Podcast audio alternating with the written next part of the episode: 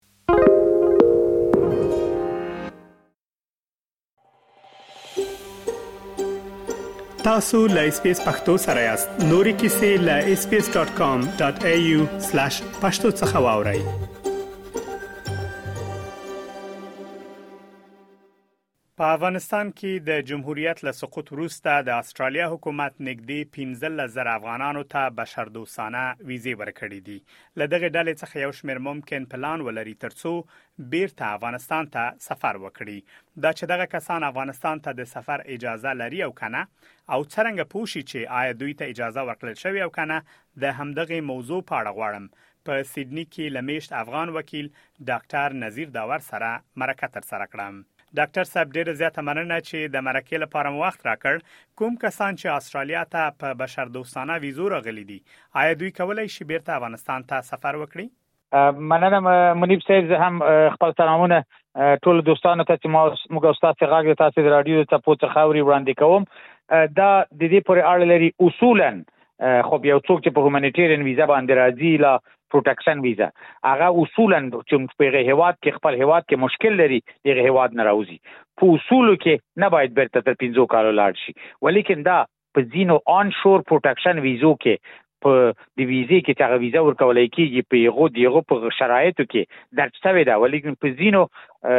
ویزو کې چې هومانیټیرین ویزې دي دوه سوه دوه سوه یو دوه سوه دوه دوه سوه درې او دا دا کټګوریان دا هر سړی چې که غواړي چې افغانستان ته لاړ شي او افغان یې لا خپل هیواد ته لاړ شي نو په هغه هغه باید هغه خپل ویزه چې دته ورکړی شوې ده د امیګریشن له طرفه په هر ویزې په آخر کې د ویزې شرایط دي، Visa Conditions، ورته وایي، که په هغه کې لیکل شوي یې چې دی نشي کوی دوباره بیرته خپل هیواد ته له هغه مشخص هیواد ته چې دی د هغه جي نه راتښتیدلی ده له وایي ادعا د دې لري چې په هغه جي کې دی Under Persecution ده نو هغه باید وګوري نو د ما د ما مشوره دا ده چې کیس تر کیسه فرق کوي جنرالی اډوایزبل نه ده ولیکن هغه کسان چې غواړي سفر وکړي که چا تاسو ته مراجعه کړې وي یا پوښتنه کړې وي نو هغه باید خپل ویزه ته مراجعه وکړي وګوري چې هغه شرایط په ویزه کې دوی ته شته کنه شته باید یې غنه دی عمل وکړي ډاکټر صاحب د قانون پر اساس کله چې یو کس له پاکستان، ایران یا کوم بل هیواد نه کوم افغان راځي په بشردوستانه ویزه ممکن د دوی کیس داسې وسیږي چې په افغانستان کې له خطر سره مخ دي نو که په دغه حالت کې ډاکټر صاحب د دوی په دغه ویزې کې لیکلي وي چې باید څه افغانستان ته سفر کولای شي یا نه خو دوی سفر وکړي ځکه ویلي د ژوند په خطر کې ده آیا په دې حالت کې د دې امکان شته چې حکومت د دوی ویزه لغوه کړي زه د ما نظر خو دغه ده چې د دوی په ویزه کې لیکل شوی مشخص د هر کیس فرق کوي یعنی جنرالی که په صورت عمومیاتو باندې خبرې وکړو د عمومي په لحاظ باندې هر څوک چې ادعا لري چې په خپل وطن کې په خطر کې ده که دوی لاړ شي او هغه معلومات ادارې د ایمیګریشن ته ورکړای شي لا هغه کشف کی وخت چې یو نفر مثلا ویزه اخلي به تزي مثلا سبا بیا د دوی ویزه ختم کیږي 15 کال بعد نو دوی بیا مجبور دي چې بلې ویزه ته اپلیکیشن ورکړي چې ریټرن ویزه د 155 ډالر سیټیزنشپ ته اپلای وکړي څلور کال بعد که دوی هغه ټول شرایط تکمیل کی نو په هغه وخت کې بیا ارزیابي کیږي بیا بعد غنه عکس العملونه شروع کیږي کدا فتن هم څوک عکس العمل نه کوي ولیکن مشخص په پروټکشن ویزو کې په هر ویزو کې چې د آن شور د تور کړی شوی پیغو کې لیکل شوی دی په د ما په تجارب سره هغه کسان چې د باندې نه په هومانیټیرین ویزو باندې هم راځي په یغو کې هم لیکل شوی دی ولیکن په ځینو ویزو کې نه دی لیکل شوی زه هم لرم هڅه معکلین چې په یغو ویزو کې لیکل شوی نه دي چې دوی برته افغانستان ته منع دي سفر برته خپل هوا ته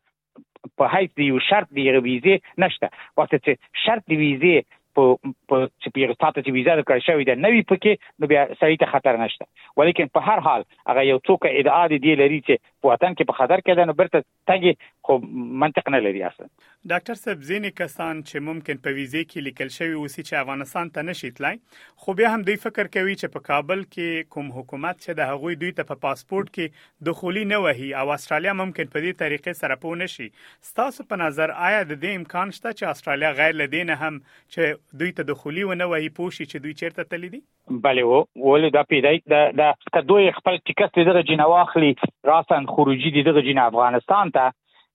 نو هغه وخت کې چې دوی